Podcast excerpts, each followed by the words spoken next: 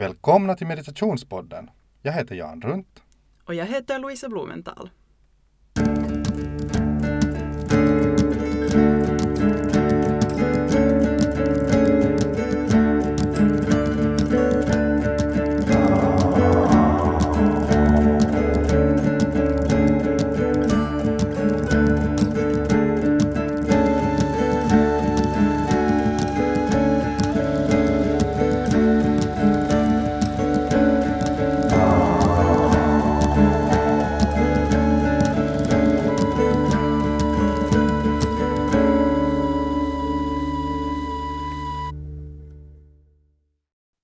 Hej och välkomna till det sjunde avsnittet av Meditationspodden. Uh, idag har vi ett specifikt tema och det är lite annorlunda än vanligtvis. Ja, vi har idag fått in uh, lyssnarfrågor som vi tänkte försöka svara på Ja. efter bästa förmåga. Och innan vi börjar så kan vi ju säga att det är alltså jättevälkommet att man skickar frågor. Alltså det, det är roligt att bara på något vis så där segla mellan olika ämnen och försöka hitta något svar. Men om vi, ska vi gå direkt till frågorna? Vi kan gå rakt på sak och den första frågan lyder Hur upplever ni skillnaden mellan att meditera i grupp eller ensam? Vill du Jan börja med din Mm. åsikt eller tanke? Ja, det där... Det är faktiskt eh, det är en jättebra fråga. Alltså, för det första så tänker jag som så att det finns lite olika delar av att, av att, av att liksom, vad är det man upplever olika. Eh, dels så är det ju då, det är annorlunda, både den där känslan av att du, du medit, går och mediterar med andra eller att du går för dig själv. Uh, jag menar det blir kanske lite mer av en sån här känsla av att no, om du går för dig själv så, så då, är, då går du väldigt mycket för att möta på sätt och vis någonting. Endast du. Och, och uh, går du sen och mediterar med andra så blir det ja, det blir ju mera den här sociala liksom, känslan av att nu gör vi någonting tillsammans här jag vet inte om jag tycker att det ena eller det andra känns bättre. Det är som olika känns det ju. Och det är förstås kanske så att det känns jätteroligt att göra det i grupp. Om det är så att man nu vanligtvis, som till exempel i mitt fall, så är det allra vanligaste förstås att jag gör det ensam eftersom det är varje dag och med grupp så är mycket mera sällan faktiskt. Det skulle kunna vara annorlunda men, men nu råkar det vara så så det är nu kanske en sak. Det känns kanske lite festligare det här att ah, nu, är, nu är vi en grupp som ska gå tillsammans in i meditationen. Om man tänker på bara liksom den här vad ska jag säga, stunden före innan man nu de facto sätter igång och mediterar. Mm. Hur är det med dig? Tycker du att det, det här liksom stämmer in på vad du tycker och känner? Ja. ehm, jag skulle kanske ännu vilja just ta in... Alltså jag mediterar ofta också ensam men sen när jag har kurser så då såklart i de kurserna som, som det mediteras så är det ju i grupp och kanske också från erfarenheten från ashramtiden så det på sätt och vis är det väldigt olika saker. Det här att, som du sa, liksom man, när man är ensam så går man och möter någonting som bara man kan möta. Och i grupp så har man alltid den där liksom kollektiva upplevelsen också, som del av ens upplevelse. Och, och nu, med risk att det låter flummigt, men, men de facto så påverkar gruppen väldigt mycket. Alltså hela, alla individer i gruppen påverkar varandras meditation. Um, så till exempel om man mediterar som nybörjare med erfarna meditatörer så då är det en större chans att man har en vad ska vi säga, mera djupgående meditation än om man mediterar ensam som nybörjare och det här drar man nytta av just om man har en eh, till exempel kurs med, med många nybörjare som kommer och sen har man sådana som, som liksom kommer med och så att säga stöder meditationen som har mediterat mycket, vilket man gör till exempel just då i ashram eller kloster eller andra ställen där det kommer folk utifrån. Ehm, um, sådana den kollektiva på något sätt inputen tror jag inte man kan förbise. Att det är liksom, om man nu kan säga att den svagaste länken, liksom, konceptet gäller också där på ett sätt, men samtidigt också den starkaste länken. Att man, man både liksom, ja, man påverkar varandra helt enkelt. Så jag minns att det just, särskilt de gångerna min meditationspraxis inte har varit jättestark eller jag inte haft en bra rutin så har det här med att meditera i grupp varit en jättestor hjälp för mig. För att det är någonting med liksom det här, eh, den här samlade på något sätt ansatsen och energin som kommer med av att vara en grupp som hjälper. Och sen samtidigt minns jag också det här just när antingen som lärare eller som deltagare på en kurs dit det kommer någon som aldrig har mediterat, så hur hela på något sätt hela rummet känns annorlunda och det, det kräver lite mer ansträngning för att kunna koncentrera sig.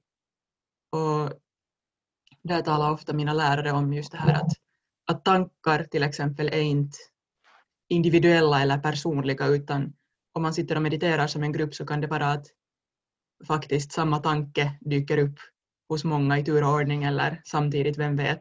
Eller till och med att liksom fysiska upplevelser som en knäsmärta kan um, migrera från person till person. Och det här just kan man ju kan man tänka på vara så att äh, det här är humbug. Men, men erfarenheten säger att det faktiskt finns sådana uh, fenomen, vilket jag tycker är ganska spännande. Man, vi är på något sätt sammanbundna uh, på plan som vi kanske inte alltid ens är medvetna om.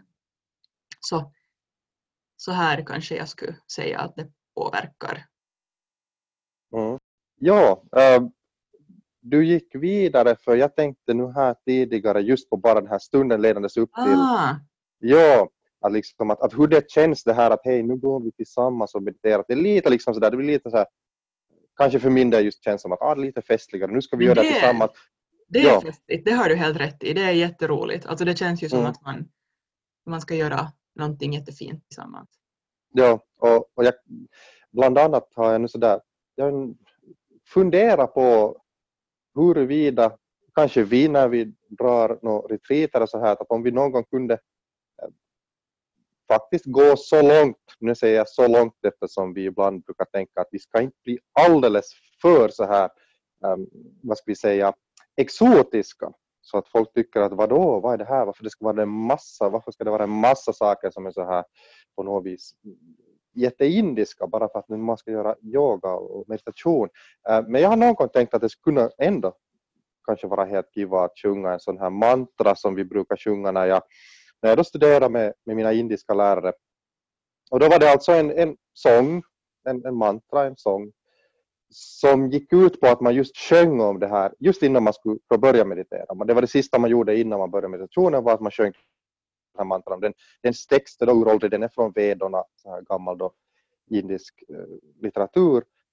Och den gick ut på i stil med att, då, på sanskrit, men om vi översätter, att, nu, ska vi, nu ska vi vandra tillsammans och vi ska gå och lära känna våra medvetanden tillsammans. Jag tycker det var väldigt fint, liksom, man sjöng det här tillsammans, precis som man skulle sjunga någonting om att men nu går vi ut på fältet och sådär skördar sed eller vad man nu annat gjorde på den tiden när den här sången är sjungen. Men det var liksom en sån här, vi säga, som en arbetssång för det att nu går vi ut och lär känna så här, våra medvetande tillsammans. Och jag, Mm så att, jag, det, jag tycker det finns något lite festligt i det. Men jo, alltså sen du kom in på en jätteviktig poäng, det vill säga vad som just händer inom då meditationen, själva meditationen, när man är tillsammans. Att det här är ju nog, precis som du sa, det må låta lite flummigt och det här är säkert någonting som en så här väldigt naturvetenskapligt inställd person skulle kunna då invända mot att hur skulle det här nu kunna vara möjligt? Men å andra sidan så finns det nog massor med erfarenheter av meditatörer. Att det, det faktiskt är så att man påverkar på något sätt varandra när man mediterar tillsammans. Och vi kan ju fråga oss att, att vad beror det på? Har det någonting att göra med, finns det helt naturvetenskapliga förklaringar, det att våra medvetanden också är elektromagnetiska fält och att när vi går in i en sån här väldigt koncentrerad vad ska vi säga, aktivitet med våra sinnen så, så kan vi på något vis känna av att vad som händer hos varandra. Är, är det någonting sånt? Och sen förstås finns det helt andra förklaringar som då är mera, vad ska vi säga, så här tantriska, om vi nu säger på det viset. Alltså, frågor om det att hur, hur egentligen frånskilda är vi från varandra när vi lämnar de här mera säga, konkret fysiska delarna av våra personligheter. Men, men ja, alltså, jag har nog haft så lustiga upplevelser just med det här att man mediterar tillsammans med någon och den kan helt sådär, alltså till exempel jag kommer ihåg en gång när jag mediterade med, det var två personer som, som då inte använde alls samma teknik som jag. De hade fått sin teknik från sån här Transcendental Meditation, TM, den linjen. Och, det där, och vi hade aldrig diskuterat de här teknikerna, att vad det ingår i dem. Alltså jag känner lite till att, att vad, vad TM-tekniken går ut på, men däremot hade jag inte berättat någonting om min teknik som jag använder.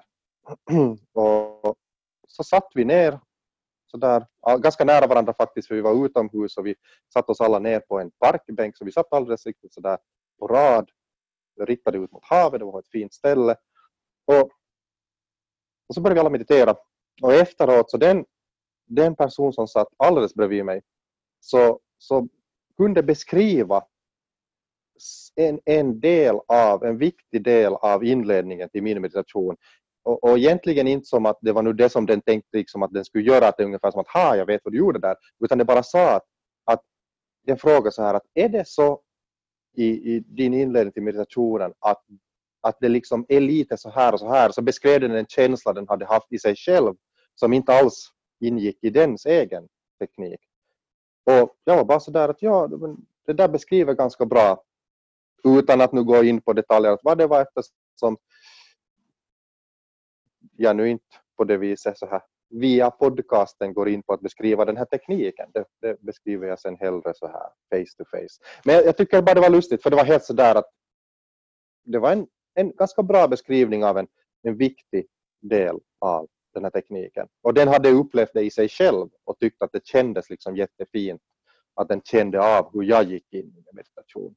Bara som ett exempel, det här liksom hände för ungefär ett år sedan det, det är ingenting som, som det där um, vad ska vi säga, som man bara har hört om. Liksom, jag tycker nog man själv också har upplevt det ganska klart. Att man, mm man, man, man får, man skapar någon sorts gemensam stämning och, och jag till och med pratar med en uh, lärare, erfaren meditatör.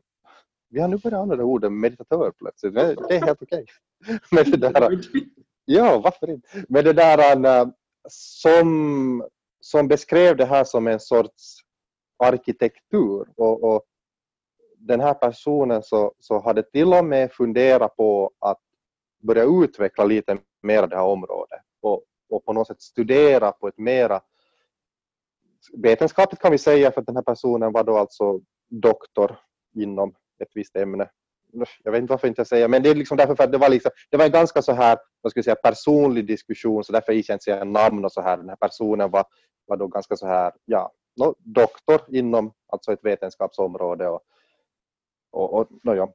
Eh, så att den här personen visste nog att vad betyder att, bara, att faktiskt börja studera något på ett vetenskapligt plan. Vad betyder det? Den här personen tänkte faktiskt att det skulle vara intressant att på ett mer vetenskapligt plan börja studera den här frågan om att vad är det för sorts så här ska vi nu säga, metafysiska, ja vad vi ska använda för ord, men vad är det för sorts arkitekturer som det skapar det här när människor av, av lite olika då bakgrund och olika slag, lite olika, vad ska vi säga, no, som befinner sig i olika gunas ursprungligen, för att nu gå tillbaka till förra avsnittet, när de sen börjar meditera tillsammans och skapar ett sånt här, på något sätt ett gemensamt fält Mm. Kom den någonstans sen då, den här studien?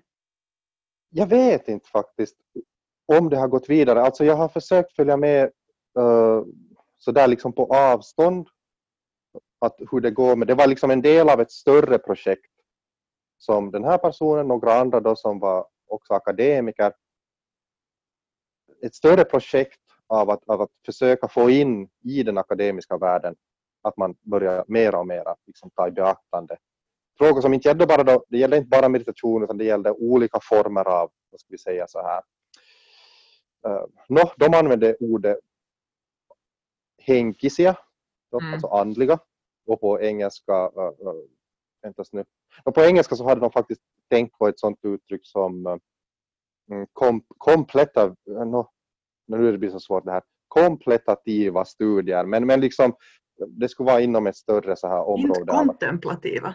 Kontemplativa, vad sa jag? Kompletativa. Men alltså, alltså det, kompletterande, oh, menar, det kan man också säga. Men... Kom, det kompletterade jag inte. Ja, nej, det, var, det här var en så här tungvrickare. Men det där är kontemplativa. Ja, ja, Center for Contemplative Studies var liksom ett så här engelskt arbetsnamn de hade på det. Men ja, så att jag har försökt följa med lite. Jag har inte liksom sett att de nu skulle, att det skulle helt konkretiseras, men med det där. Som sagt, det, det här var också en diskussion som, ja.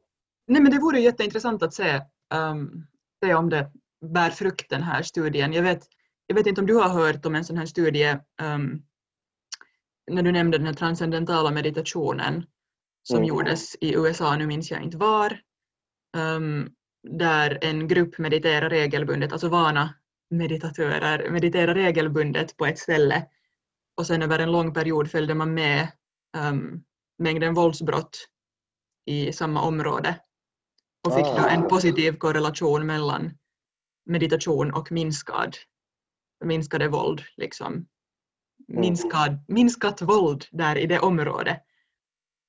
Um, nu som sagt minns jag inte längre vem som har gjort den här studien. Det kan vara att det var själva då Maharishi Institute, alltså själva uh, transcendental meditations liksom, grundare och då kan man ju fråga sig att hur, hur neutral är den studien men jag skulle inte sådär döma den direkt men det vore intressant att se större igen. Mm. Ja, nu måste jag säga här emellan att jag, jag det där märker att det kommer ibland ett sånt här, någon sorts så här tekniskt eko när jag pratar och vi båda befinner oss på, på olika orter. Nå, du befinner dig på din hemort och jag befinner mig nu här ute på landsbygden men vi har alltså inte nu så här samlats någonstans fysiskt för att göra det här utan vi gör det via nätet. Och nu om det här lämnar på band det här, det här lilla eko som kommer ibland efter att jag har pratat så det beror alltså på det att vi gör det här på lite så tekniskt annorlunda sätt.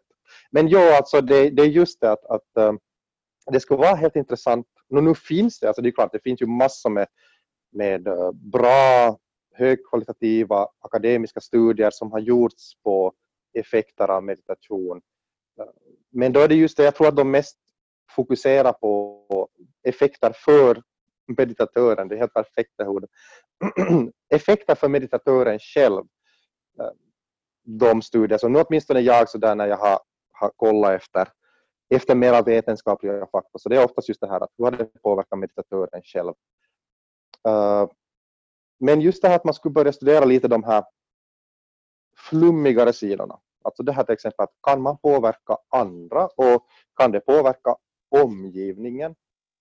Uh, det här var faktiskt någonting som, som vi nu inte på det viset heller då eftersom vi måste försöka lite förkorta det här Gunnars avsnittet och nu måste vi kanske också förkorta det här svaret snart men, men någonting som vi då lite ska vi säga, gick förbi när vi pratade om, om, om Gunnars förra gången att, att uh, just den här frågan om att kan ett ställe ha, bära på en stämning i sig? Mm. Att kan ett ställe utan att det beror på någonting rent mekaniskt, att där är mycket bullar eller där är mycket blinkande ljus, men kan men ställe stämning fånga upp?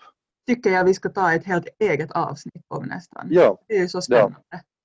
Det är jätteintressant tycker jag. Det kanske lite har att göra med det här, vad är sådana här, vad är liksom vibbar? För det är ju ja. lite det här liksom att, att också när man mediterar tillsammans, det är någonting att man, man får liksom vibbar av varandra för att använda ett jätte, vad ska vi säga, men sen är det ju alltså tyvärr, eller tyvärr och tyvärr, men vi har ju faktiskt inte i vår, vårt språk eller det vetenskapliga, då, moderna västerländska vetenskapliga språket ord för saker som finns ord för på till exempel sanskrit eller andra sådana äh, äldre språk som är liksom kopplade till just sådana upplevelser eller fenomen.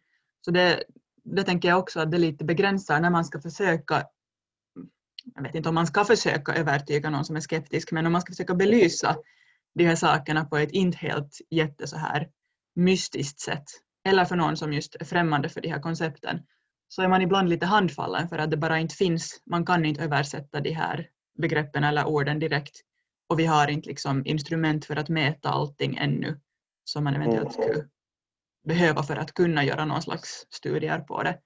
Men det, det kanske ändras så småningom. Det är väl det att jag menar, vi får se och, och det är ju klart att det är, det är en process alltså. Om vi tänker på, no, vi måste gå vidare från det här svaret men, och det blev kanske en liten sån här omväg här men, men just en person som pratar om det här att, att vilja börja göra studier av, av den här arkitekturen så att säga. Det här som händer mellan människor som mediterar. Eh, det att den då var en ganska nybliven doktor inom ett akademiskt område och den då samarbetade med andra personer som alla var akademiker och, och forskare. Men inom alla möjliga olika områden. Det visar ju ändå att, att yoga, meditation, liknande discipliner, så förr eller senare så finns det allt mera människor, också då i västvärlden, som har avancerad utbildning och som kanske kan tänka att, att de vill börja ta in det här området och, och försöka få det mera, hur ska vi säga så här, ja, akademiskt också studerat och behandlat. Och, så det är väl en, jag antar att det är en tidsfråga. Det är ännu, det är ännu sådär inom, inom utveckling. Om vi säger på det mm. Men kom vi nu fram till att svaret är det att, att det är nog en klar skillnad om man mediterar med andra så kan man just plocka upp och man kan på sätt och vis man kan lite som så här samarbeta med dem som man mediterar med på ett sätt som det sen är då svårt att kanske säga hur går det till, hur kan det vara så här? Men att det är nog någonting som, som vi har båda märkt och, och som vi vet att andra har märkt. Ja, kanske det att båda, jag skulle säga att båda har sin plats. Att det kanske i början, om jag skulle ge ett så här handfasta tips för nybörjare, så i början skulle jag rekommendera att meditera i grupp, helt bara för att hålla upp den här på något sätt eh, styrkan. Om, särskilt om det är så att man upplever att det är svårt att komma igång. Så att meditera med någon som har gjort det förut och gjort det regelbundet. Och sen kanske i något skede ändå um, i alla fall inkorporera en egen praxis. För att just som du sa, det finns de sakerna man bara kan möta liksom, när man är ensam och nu låter det jätte så dramatiskt men alltså det, det är ändå, eftersom det är en skillnad och liksom när man är på egen hand så då faktiskt kan man, kan man testa sina liksom vingar individuellt. Så båda har sin plats. Precis. Ska vi ta nästa fråga? Vi kan ta nästa fråga, ja. Nästa fråga är hur väljer ni era meditationer? Och den här tror jag du redan innan programmet konstaterade att den här kommer att vara lätt för dig att svara på. ja, det är ju det. Ja, alltså det är ju det att för mig så är det så enkelt som att jag använder alltid samma teknik och det har jag gjort i, i 20 år nu. Så att, och varför? Ja. Därför för att den fungerar. Alltså för det första liksom när jag, när jag lärde mig den här tekniken. Så, så jag tror för det första så tror jag att den här frågan kanske lite handlar om, om en annan form av teknik. Alltså tekniker som du kanske då kan få helt no, ur en bok eller läsa någonstans eller att det, det kanske är så där att om, om, om du sysslar med sånt här så berättar du åt någon annan att hej, vet du vad, du kunde göra så här. Eller höra på, jag menar jag vet att det faktiskt nu jag råkade faktiskt se, det var en, en, en finländare som, jag inte, nu nämner jag den inte vid namn därför att den här personen har gjort sen så, så väldigt eh, tvivelaktiga uttalanden om effekterna av dens meditation och den här personen säljer de här ljudbanden på nätet så jag vill inte bara ge reklam nu eh, för en person som jag, som jag kanske uppfattar som en lite tvivelaktig lärare. Men också just det här att man till exempel kan höra på olika sådana här ljudband. Och, och det är kanske lite annorlunda för då, då kanske du väljer lite som du väljer en bok eller du väljer att höra på en viss låt för att du, du, du vill ha en viss stämning. Eh, så det är kanske lite annorlunda men orsaken för att jag använder samma teknik och, och då har gjort det jättelänge, eller no, länge nu, det är halva mitt liv. Så det är därför för att det, är en, det var nu en sån teknik som är, ska vi säga, en sån som man får så att säga så här initiation till. Det vill säga det var någonting som var väldigt högtidligt. När jag lärde den av, fick den av min lärare så var det först efter att jag hade visat honom att jag var tillräckligt intresserad och hade varit redan så här regelbunden i, i min då tidigare eh, sadana, mitt tidigare utövande. Så det var lite högtidligt, det var lite fint att få den här tekniken. Och sen det att, att för mig så kändes den bara jättebra. Och det var en teknik som jag absolut ville hålla mig till.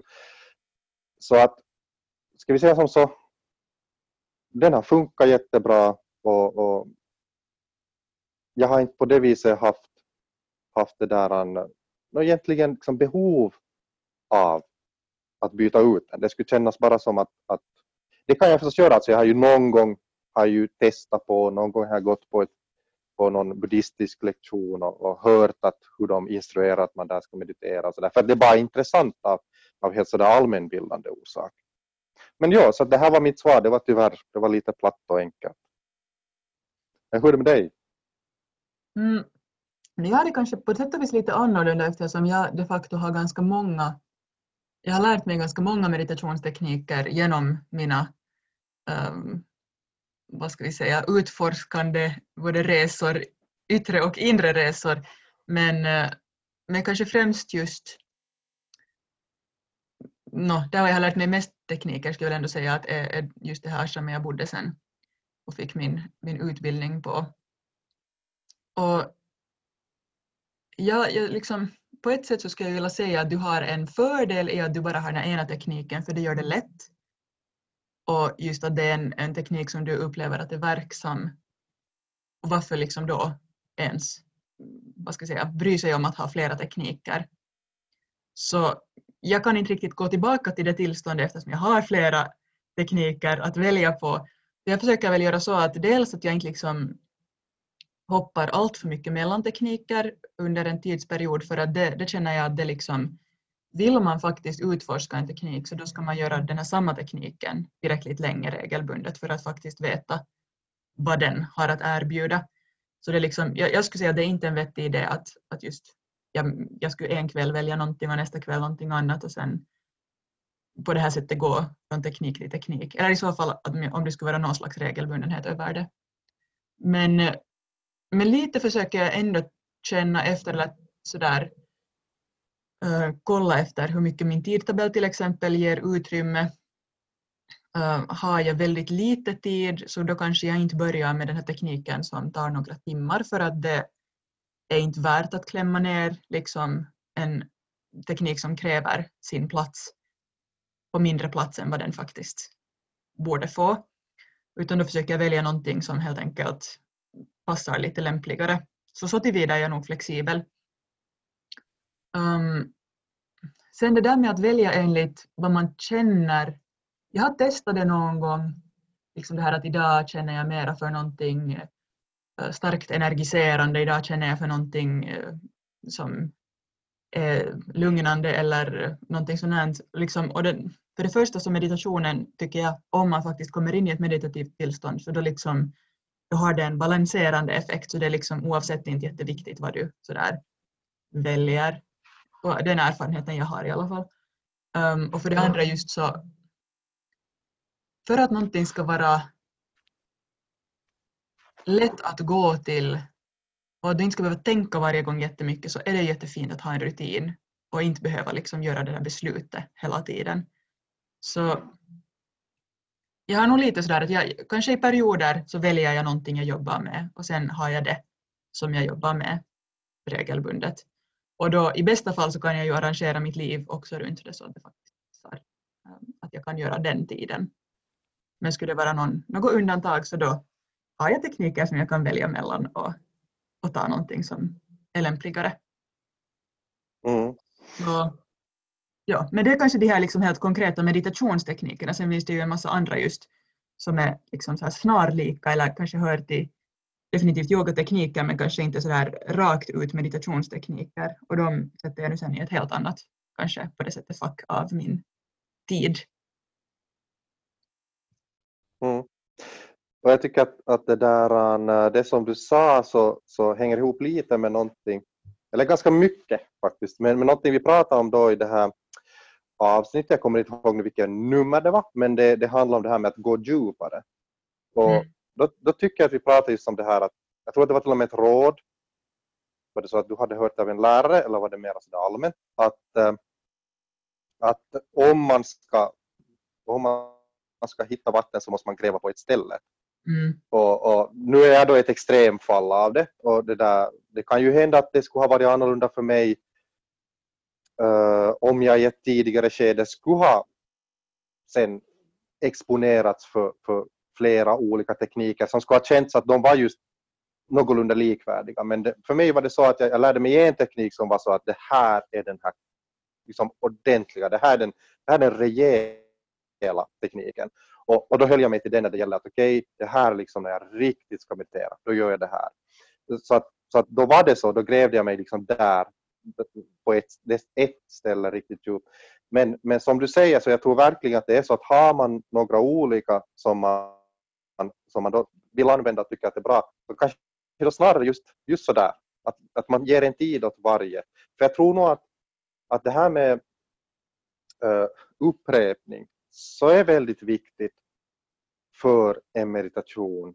Och ja, det är ju viktigt inom alla discipliner, men det är just kanske det som är grejen, att meditation är på det viset snarlikt allt annat som du vill bli bra på, eller som ska säga, du vill nå ett bra resultat i.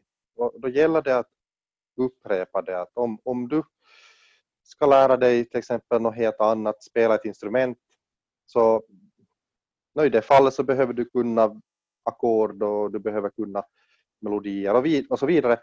Men eh, du måste ändå träna på någon viss del av det om du vill bli riktigt bra inom, inom det.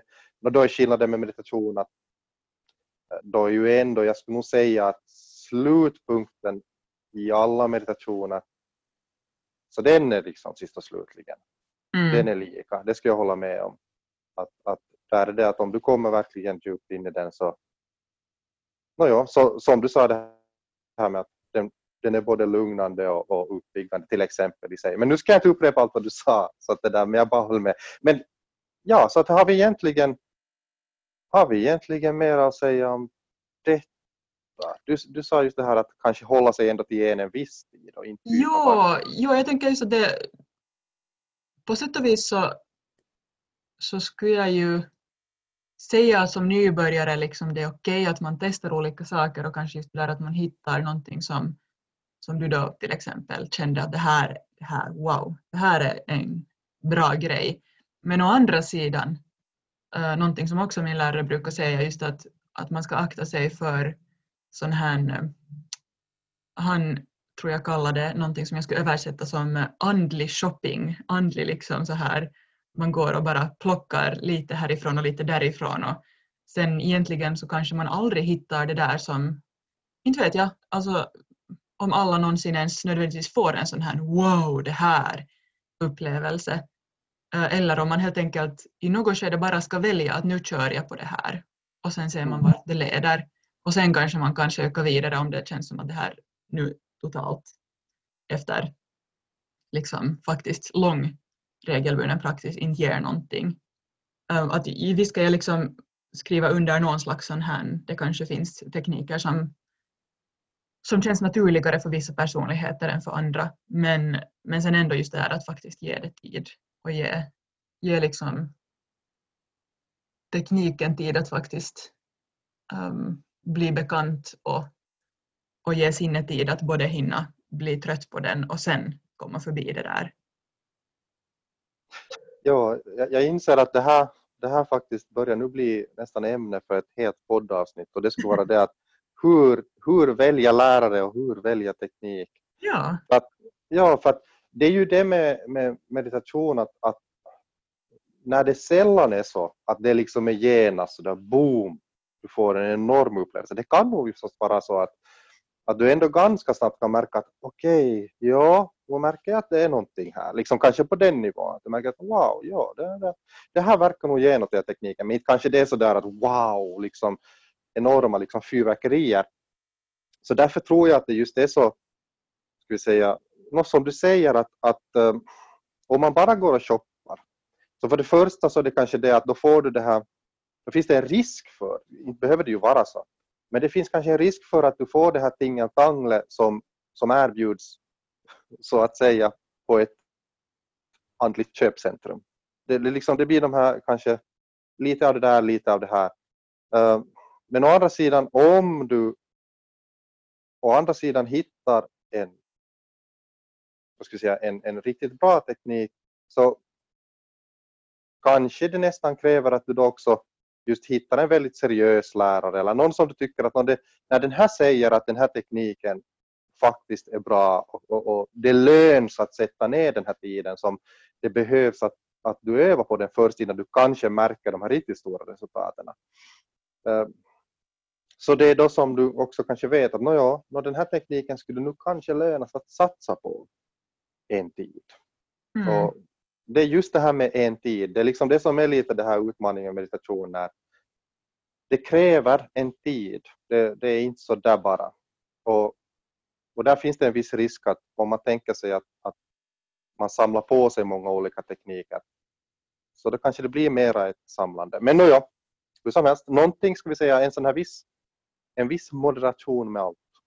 Ja, och just det där att hur mycket har man faktiskt användning för? Hur mycket samlar man på sig sådär som man kan samla på sig trevliga prydnadsföremål och hur mycket är faktiskt sånt som man använder konkret. Mm. Mm. Men jo, du har rätt, vi skulle kunna säkert göra ett, ett helt avsnitt av det här också. Ja. Kanske vi gör det. ja, vi får se. Men vi tar nästa fråga. Ja. Skriver ni ner era upplevelser? Uh, no, du får börja den här gången. Okej. Okay. Ja. Ganska kort och gott nej. Det har jag inte haft för vana att göra. Och jag är säkert i viss mån präglad av att det väldigt starkt poängterades under min utbildning att inte fästa sig vid upplevelserna som kommer under en meditation. Så jag tror det aldrig ens har liksom fallit mig in att jag skulle skriva ner dem. Um, ja, det är kort och gott mitt svar. Ja, ja och det där, jag, jag kan säga lite samma sak, inte, inte brukar jag på det viset skriva ner. Egentligen det enda som jag någon gång kan skriva ner är om det dyker upp någon sån här jättebra infall, någon idé eller liknande. För att det är ju också vill säga, en av de kiva sakerna med meditation, de trevliga sakerna med meditation. Att man kan plötsligt, när man sitter och mediterar, så kanske man plötsligt får någon, någon jättebra idé eller så får man någon tanke som är en lösning på något problem som man inte alls var medveten om att man nu hade någonstans där i bakhuvudet. Så och det där tror jag egentligen du, ja. du är nästan på väg in i nästa fråga. Ah, men, men då, ja, ska vi, ta, ja, ska vi hoppa liksom över till den? Vi kan ju hoppa över till den. Föds insikter under eller efter eller kanske inte alls? Ja, ja, precis. Fortsätt, ja. Fortsätt bara. ja, no, alltså det är just det. Ja, men jag, jag, jag brukar nog liksom Ja, och, och det är när det sker sådana här saker och jag annars blir orolig för att oj nej, det här måste jag komma ihåg, det här var en jättebra grej. Då kan jag alltså faktiskt, jag kan ta en paus helt i meditationen och bara skriva upp det så att inte jag behöver tänka att åh, jag måste hålla det här nu kvar i huvudet utan så att jag kan bara bli av med det. Men det mm. händer inte, alltså jag skulle inte säga att det här händer hemskt ofta, jag skulle säga att det handlar om någon gång då och då. Men hur är det med dig? Hur är det med dig och sådana här insikter, tankar, idéer? Jo, no, mm. jag vet inte om jag har skrivit ner dem jätteofta. Jag, jag har ofta en känsla nog av att de finns där när jag kommer ut ur meditationen. Um, att jag inte glömmer bort dem om de har varit sådana riktigt just sådana blixtar från en klar himmel. Um, jag bara funderar ännu att borde, borde vi på något sätt ännu beröra det här med upplevelser? För att jag, jag upplever inte heller att det är problematiskt att ta fasta på insikter som kommer under meditationen utan tvärtom så är det ju liksom det är bland de bästa besluten som görs. Mm. Kanske de bästa besluten som görs efter en meditation eller under en meditation, vad man nu kan ens kanske, kanske man inte skulle säga att de görs eftersom de uppstår. Men, mm. Och idéer och, och tankar. Um, Men jag tänkte nu på det här just att vad är, vad är skillnaden mellan en insikt och en upplevelse? Och varför, när jag bara så kort sa att, att man inte ska fästa sig så mycket vid upplevelser, um, om vi borde lite tala kring det. Mm. Uh, det är lite, skulle jag säga, på det viset uh, problematiskt vet jag nu inte, men det finns en sån här liten risk när man lär ut meditation. Jag märkte det själv i tiderna när jag var med min lärare att om han sa någonting att till exempel så kommer jag ihåg när han sa och då, var det, då hade jag börjat för kanske några månader sedan och, och det där och i en lektion så sa han att, att, att var sen försiktiga att inte, att inte ni plötsligt biter ihop tänderna för det kan hända när ni sitter och mediterar att, att ni blir så avslappnade att hakan faller ner. Och före han sa det här så hade aldrig min haka fallit ner medan jag satt och mediterade. Efter att han hade berättat det här så tog det inte länge och så började av någon märklig orsak så började min haka falla. Och det var liksom bara, det var ju helt klart att det hade skett någon sån här suggestion där. Att, att jag liksom på, något, på nå plan trodde jag att i en fungerande meditation så, så måste du bli så avslappnad så hakan faller ner. Nå, det, det höll i sig en tid. Sen bara liksom så här rann det av mig och efter det så har aldrig min haka fallit ner när jag mediterar. Men, men det bara visar att det finns en viss risk med det här att, att säga att det kan bra vara när du mediterar att. Mm. Uh, så, så därför så, så blir man lite så att man vill säga men, men det är nu bara så. Eller om man själv just konstaterar att den här meditationen gör att jag hamnar i det här och det här tillståndet eller har de här och de här upplevelserna så sätter man ju någon slags förväntning på det. Mm. vad ska vi säga? Man vill, man, vill, man vill vara lite kortfattad om det. Som, precis som du sa, man vill inte störa, störa den, den här liksom, eh, egna upplevelsen för mycket. Uh, så att kanske bara det till, till, som, som svar till den här frågan att, att jo, det händer sig nog att det kommer. Och, och både mitt under meditationen att det ploppar fram någon sån här, ah okej, okay, wow, det här var liksom tydligen någonting som låg där bakom och så kom det plötsligt fram som en, en bra tanke. Och också efteråt. Jag menar för min del så är det kanske så här att, att eh, det känns ofta på det viset att just när jag är färdig med meditation så då har jag, då har jag liksom sådär ett helt nytt, vad ska vi säga, en, ett helt nytt grepp om hur att fortsätta dagen och, och, då kanske det kan vara just så att jag sådär, ah nej men nu prioriterar jag om, nu känns det egentligen som att det här är nu det som jag skulle mm. helst vilja ta. Att liksom att det, det gör ju att man är ett annat, det där, eller för min egen del så innebär det ofta att jag är lite ett annat sinneläge efter att den här meditationen är förbi och har också på det viset kanske lite andra synvinklar, kanske får lite andra infall. Så att, så att ja, så att egentligen både under meditationen och också det att man, man, är, man är kanske lite annorlunda inställd efter meditationen kan då också göra kanske lite annorlunda beslut. Och relaterat till det här så har jag en fråga till dig. Ja. På grund av just de här effekterna, hur väljer du när du ska meditera i din dag? Ja, no, alltså just på grund av det här så tycker jag ju att att det är ganska fint att kunna meditera medan man ännu så att säga har kvar av den aktiva dagen. Eh, jag menar, morgonen så är ju en så här, vad ska vi säga, ganska klassisk tidpunkt. Då liksom ställer man på sätt och vis också lite om sig inför hela dagen. Eh, men det kan också vara att, att om till exempel fast någon gång mitt på dagen, om man har möjlighet, för det betyder att man har liksom kvar av dagen då man kan också bära med sig av den här lite förändrade sinnesstämningen och förändrade känslan. Också i den del av dagen då man gör olika saker. Så jag tänk, nu tänker jag på jämförelsen till det att man skulle meditera helt mot slutet av dagen. Då det kanske inte på det viset är någonting annat kvar än att, än att man nu har lite kväll och sen går man och, och lägger sig. Men sen å andra sidan så, ja, jag vet inte, alltså det känns bara som att alla tider är bra bara du mediterar.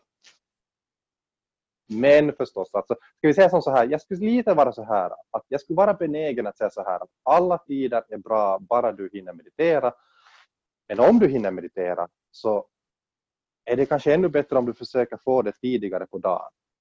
så att det också efter dagen finns tid så du bär med dig någonting inuti av det som har kommit från meditationen. Mm. Och Vad jag vet tänker du om att, det här? ja, jag tänkte säga att jag vet att du brukar rekommendera för dina um, meditationskursister att gärna, om de kan, meditera två gånger per dag. Då har Ja. du liksom dubbel, vad ska vi säga, eh, effekt. Ja, det är klart att, att det där att det är ju det allra bästa. Ja, men jag måste säga, alltså, jag måste säga ärligt, jag har blivit lite mer försiktig med att säga det. Alltså jag säger det nog, men jag säger det ganska försiktigt att förstås det optimala. Därför för att jag, jag, jag, jag, jag, jag, liksom, jag blir lite sådär att, vad ska vi säga, orolig att det skrämmer bort. Mm. Man tänker att aha, okej, okay, om inte jag mediterar två gånger så då är det kanske ingen vits då. Mm. Och, och på något vis så har jag bara blivit med åren mera och mera så här, vad ska vi säga, mm, no, om vi ska säga något ganska neutralt ord, medveten om, men jag skulle kanske säga orolig Mm. för att det är så svårt för den moderna människan att hitta tid för att göra någonting som är så jättebra för en och, och som dessutom är så mycket mer värdefullt än det som man å andra sidan sen tillbringar jättetid, mycket, mycket tid med att göra. Alltså nu tänker jag på, tänk om man skulle ta bara hälften av den tid som den moderna människan använder på sociala medier. Mm. Och de skulle, de skulle kunna, alla kunna använda hälften av den tiden. Som jag tror att de flesta nog med handen på hjärtat skulle säga att "Nå, jag vet att det är ganska onödigt. Jag sitter bara och snurrar och tittar på statusar och gillar. Och nu ska jag inte säga kattbilder för jag tycker inte kattbilder är så stort mera. Men liksom vet du gillar sådär ganska uh, nåja, inte så hemskt betydelsefulla saker. Mm. Alltså, jag menar, man skulle kunna använda halva den tiden och meditera. Det skulle, alltså jag tror att det skulle leda till enorma förändringar i hur människor i allmänhet känner sig. Eh, så att jo, jag är liksom lite orolig för det här faktiskt, när jag märker från den feedback jag får av, av mina kursdeltagare att, att det där att hur mycket de verkligen sen övar på det. Så att jag är faktiskt lite försiktig med att säga det här två gånger, för att jag, jag, liksom, jag är rädd för att det ska skrämma bort. Ja, det här med, med försiktighet känner jag igen och jag, innan vi kanske ska börja avrunda det här avsnittet eh, och börja segla in i några helt nya frågor här så vill jag ändå inflika att just det, det är hela tiden en balansgång mellan att märker jag både för mig själv men också just när jag undervisar att ta, ta en för slapp attityd där man säger att just att vad som helst är bra vilket kan leda till att någon mediterar två minuter och aldrig får den där upplevelsen av vad det betyder när sinne äntligen tystnar. Och just som du säger att sen skrämma folk med att vara att, att, nej, att mindre än tre timmar per dag så får du inte den där erfarenheten. Det, det är hela tiden en balansgång.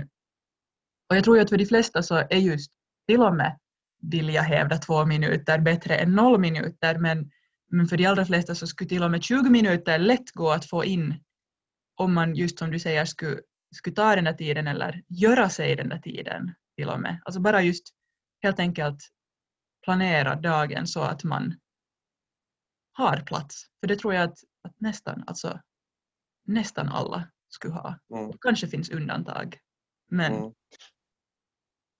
Ja, ja det, är ju, det är ju just det att det är klart att eh, på samma gång så vissa människor så har förstås jätte, jätteintensivt och då tänker jag kanske jag tänker kanske snarast på, jag vet att småbarnsföräldrar, det, det, det är de som jag nu förstår att på riktigt, dagen är hela tiden ett hackande av att Mm. få in olika saker.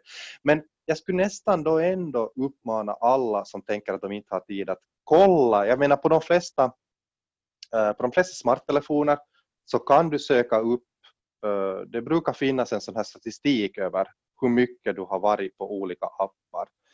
Och, och liksom att, att alla skulle faktiskt kunna gå och kolla det. Jag har någon gång själv liksom bara av nyfikenhet gjort det och märkt att okej, okay, liksom, wow, tänk att man ändå, man tycker bara man har varit liksom och tittat lite på Facebook och så vidare. Men ändå så att, aha, okej. Okay. Men det där att alla skulle kunna göra det om man tycker att man inte har någon tid. Och sen fråga sig att men hur mycket av den här tiden som jag tillbringar på sociala medier var verkligen på riktigt givande för mig. Mm. För att jag, jag vet att det kan vara det delvis, jag menar det är klart. Alltså en, en, jag tror att en viss del tid av dagen, att du ser lite vad dina bekanta har gjort, det kan vara roligt, det kan kanske ge känslan av att du har sett någonting annat och hållit en sån här ganska ytlig men ändå en liten kontakt. Men liksom just det här att sen tror jag att det är så mycket tid som bara det här slösurfande som inte har någon som helst verklig liksom så här och värdeskapande funktion. Så att ja, men det här är nog ett problem som vi meditationslärare kämpar med. Att, att hur ska vi tävla med människors tid från det här andra? Ja, det är, ju, det är ju inte, vad ska vi säga, en... Det är ju inte en tävling som vi kan föra på sätt och vis i deras liv. Det är ju inte vi som ska övertyga någon att eh, prioritera sin tid på något sätt, utan det är ju någonting som enbart en erfarenhet av vad det faktiskt kan ge. Eh, Det är ju enbart meditationen som kan tala för meditationen. Vi kan ju bara fungera som någon slags ambassadörer eller vad man nu ska kalla det. Men jag tror också det enda liksom som verkligen kan motivera någon att meditera är upplevelsen av det. Och det är ju därför det blir så tragiskt om man aldrig ens Mm. ger det en chans. Och det är väl där kurserna kommer in. En, liksom, en riktig tid och rum som är vigt enbart åt det. Ja. Absolut, men hur är det, har vi ännu mera frågor? Jag tror att det var frågorna för idag. Här var lite hälsningar och glada kommentarer och, Mhm. och önskemål om teman och sånt där. Men det, det som sagt kommer ju att komma upp i, i de avsnitten som kommer och, och vi är som Jan också sa här i början jätteglada alltid när vi får ta del av nya utmaningar och höra vad ni tycker och tänker. Både ris och ros och frågor och allt är välkommet. Absolut, jag tycker nästan det skulle vara, det skulle vara jättebra om någon skulle komma med en skarp kritik tillrättavisa oss. Men vi får se om det händer. Dyker upp ja. Ja, men då så, då, då tackar vi väl för oss för den här gången och hoppas att det här nu har varit intressant. Inte Ja. bara för den som har ställt frågor men också för alla andra som fick höra på det här. ja. Tack för idag. Tack för idag och så hörs vi Hejdå. på nytt. Vi hörs. Hej!